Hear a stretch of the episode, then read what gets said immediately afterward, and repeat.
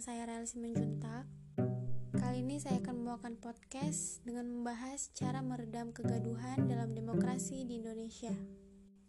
Cara meredam kegaduhan dalam demokrasi di Indonesia diperlukan kepemimpinan dengan adanya demokrasi seperti yang pertama, demokrasi yang berketuhanan yang Maha Esa.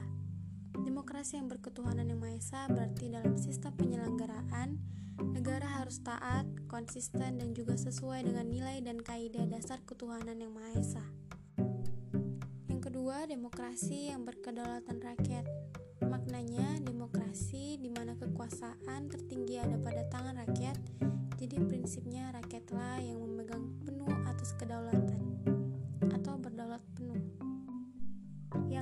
Ketiga, demokrasi Pancasila dengan pemisahan kekuasaan negara.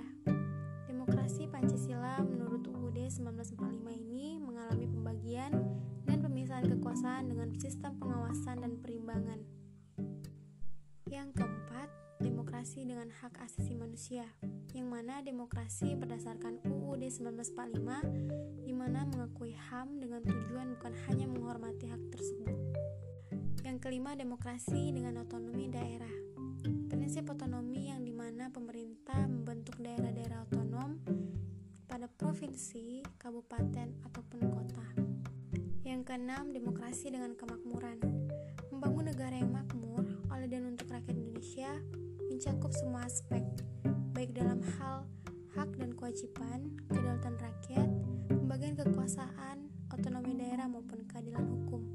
Dan yang keenam, demokrasi yang berkeadilan sosial Demokrasi ini menggaris keadilan sosial di antara berbagai kelompok, golongan, ras, dan agama juga masyarakat.